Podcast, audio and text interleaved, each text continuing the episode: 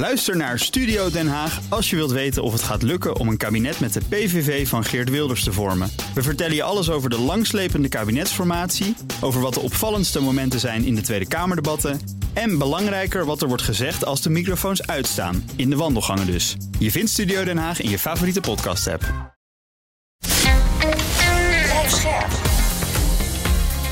BNR Nieuwsradio. Boekenstein en de Wijk. Hugo Reitsma. Dit is een extra uitzending van Boekenstein en de Wijk in verband met de oorlog in Oekraïne en de crisis met Rusland. Het is dinsdag, dag 349 van de invasie.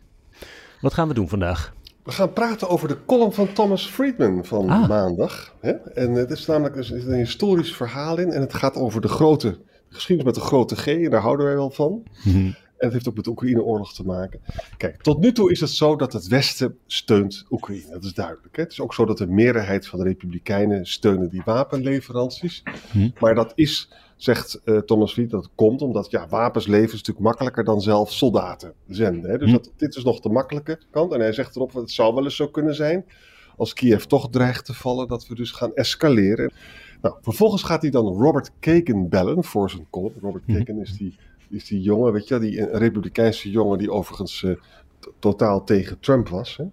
Nou, Kagan die praatte over dat isolationism. Zijn stelling is natuurlijk van eh, de laatste 80 jaar is er geen oorlog geweest tussen de grote mogelijkheden. En dat komt omdat die liberale orde is door Amerika bewaakt. Hè? Hm. En dat kan allemaal instorten als Amerika weer isolationistisch zou worden. En daar zie je natuurlijk bij de Republikeinse Partij, bij een minderheid, zie je daar natuurlijk al de sporen van. Hè? Nou, vervolgens legt Keken iets uit dat ik zelf vergeten was, maar dat is wel belangrijk. De Republikeinen in de jaren 30, jongens, voor de Tweede Wereldoorlog, die waren isolationistisch. Die waren hartstikke tegen de FDR, weet je wel. FDR was een halve communist met zijn New Deal. En ze waren, eigenlijk was Hitler wel een heel nuttig bolwerk tegen de Sovjet-Unie, tegen de communisten. En ze dachten ook wel positief over Mussolini. En ze wilden ook niet eh, Fra- Fra- Franco bestoken. Hè? Dus met andere woorden, hij, hij wijst er nog eens op van als de liberale orde dus eh, niet meer door Amerika wordt bewaakt, omdat er een soort Trumpist weer terug zou komen, hè, dan gaat de hele wereld daar dus een hele hoge prijs voor betalen. Ja, en. FDR tr- trouwens Ja. is eh, Roosevelt, hè? Sorry, ja, sorry, sorry, Roosevelt. Ja, Franklin Delano, Franklin Delano Roosevelt. Maar voor Nou. FDR voor Intimini. Ja. Ja. En, en nou komt, het, nou komt de relatie met de Oekraïne-oorlog. Dan wordt alles daarvan is politiek en controversieel. hè. Wij praten er ook altijd over. Keken zegt, ja, als je gaat onderhandelen met Poetin, dan zal je altijd een tijdelijke vrede krijgen. Want hij gaat gewoon Hm. door. Hè? Dus hij Hm. verbindt dus het hele... Hij wil eh, Oe- Oekraïne tot het laatste stro- eh, snik helpen. Hè? Vanwege dit argument. En de, en de andere argument natuurlijk, en dat is vind ik net zo valide, van jongens, escalatie is een serieus gevaar. Eh, en wij moeten zeker Oekraïne helpen. Maar misschien is het onvoldoende om Rusland er helemaal uit te slaan. En dan moeten we ze blijven helpen, maar dan moeten we naar een staakt het vuur. Dus je ziet hier ook, je kan met dit verhaal dus twee kanten op. Hè? De realistische kant is dat je toch een deel van de Oekraïne verliest. Eh, en de idealistische kant is dat je hem er helemaal uitstaat, omdat Mhm. anders eh, Poetin toch doorgaat. Ja, nou wat ik ook echt een op, eh, interessante opmerking vond, het is allemaal ook weer niet zo nieuw hoor wat er stond, maar Nee. het is wel echt interessant omdat het gewoon goed opgeschreven is, goed op een rij staat, Hm. is dat belangen en waarden in dit conflict ook samenvallen. Ja, Hè, dus eh, het belang is een wereldorde die gebaseerd is op vrijhandel, democratie, open lijnen. Eh, gewoon eigenlijk de, de orde die we kennen, die gebaseerd is op de westerse waarden. En die staat tegenover een orde eh, die gebaseerd is op autocratische waarden. eh staatskapitalisme, waar economie feitelijk politiek is. En, en leiders van een land die kunnen doen en laten wat ze willen. In tegenstelling tot de liberale wereldorde. Niet een internationale rechtsorde met internationaal recht en stevige verdragen aanhangen. Dat staat eigenlijk op het spel. Dat staat tegenover elkaar. Daarom is de strijd die op dit ogenblik wordt gevoerd tussen eh, het Westen aan de ene kant en eh, China en Rusland aan de andere kant zo'n belangrijke strijd. En het, het punt is dat ehm, als je die strijd verliest, dan tast dat zeg maar de hele liberale wereldorde aan. Mhm. En dat heeft weer grote gevolgen voor bijvoorbeeld eh, de, eh, de welvaart in de wereld. En het feit eh, dat je nu redelijk vrijelijk over de hele wereld eh, kan, gaan, eh, gaan, kan gaan handel drijven. En Ja. op het moment dat dat lastiger wordt, dan krijg je een strijd om grondstoffen. Maar dan krijg je ook een strijd om chips, halfgeleiders en dat soort dingen. Dus dan wordt het allemaal niet gezelliger op. Dus En Rob, wat nou zo interessant is, want het- deze analyse klopt natuurlijk helemaal wat je zegt. Dus democratie, vijanden tegenover autocratie. De Amerikaanse economische oorlogvoering nu, de Amerikaanse wens tot het ontkoppelen zeg maar, van China en de rest, is natuurlijk in strijd met eh, vrijhandel. Hè? dat is Dus ook zo. Amerika is dus zelf nu ook bezig om die 80 jaar oude liberale orde via die route te ontmantelen.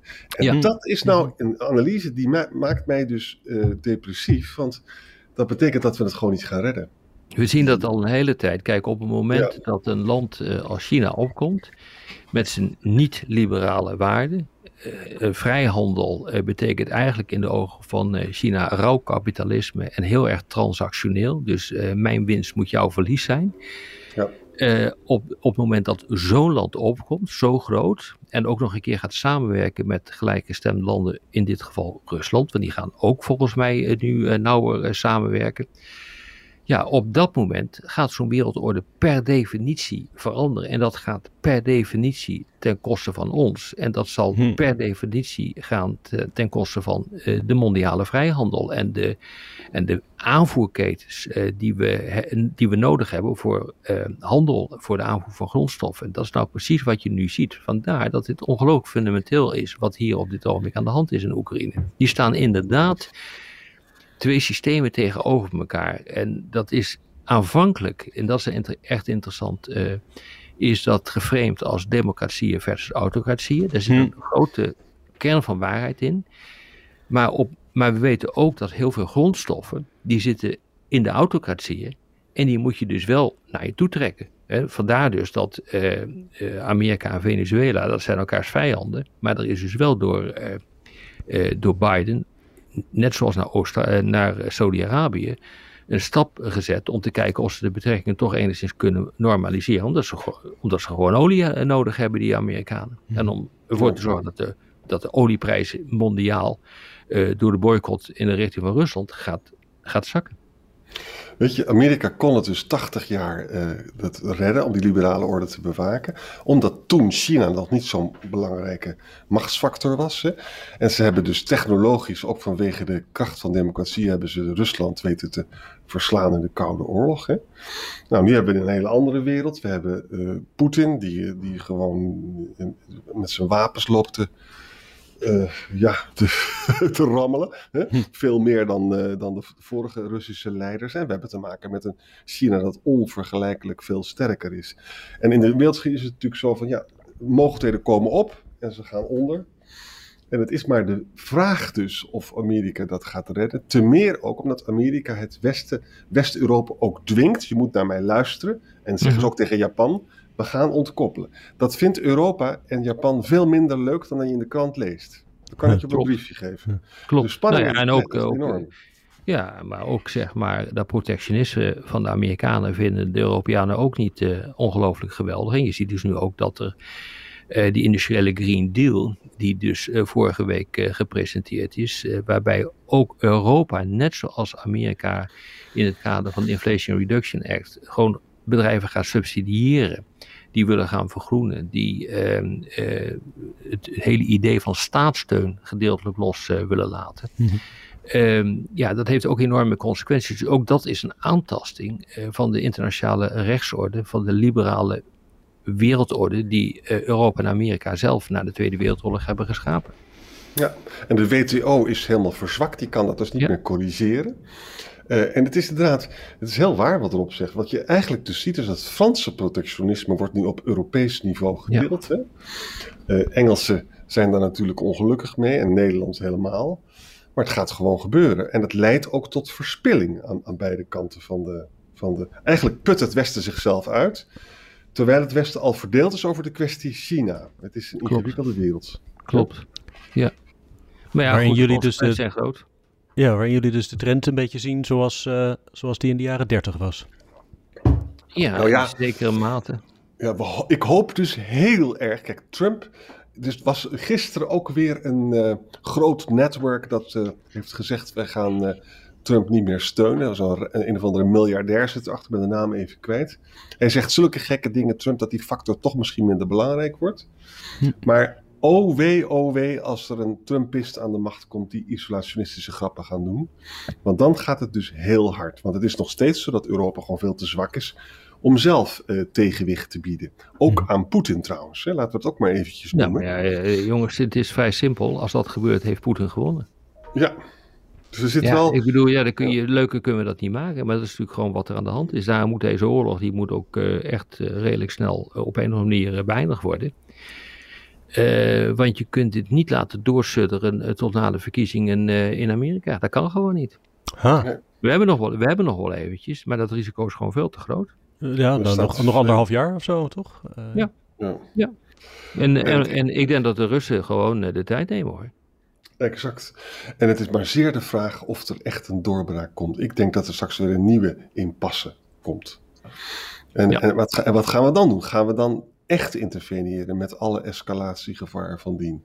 Ja. Dus het, het, is echt een podcast voor boven de 18, jongens. Alweer. ja. maar dat, dat argument uh, van Friedman, waar jullie instemmend ook op reageren, van hè, dit gaat meer over meer dan alleen over Oekraïne, dit gaat ook over de liberale wereldorde. Dat hoor ik juist meestal bij mensen die anders dan jullie zeggen, Oekraïne moet dit winnen, Poetin moet dit verliezen. Je moet helemaal tot het gaatje gaan, want dit gaat ook over ons. Nee, maar dat is ook zo, alleen het moet wel kunnen. Kijk, ik denk dat onze, uh, onze insteek veel meer is van uh, dat zijn wensen waar we denk ik achter staan, maar het moet wel kunnen. En, en uh, anders krijg je een, een podcast waar we nou bijna al een jaar in termen van wenselijkheden aan het praten zijn. Dat schiet, dat schiet natuurlijk gewoon niet op. Je moet wel een analyse maken of het kan.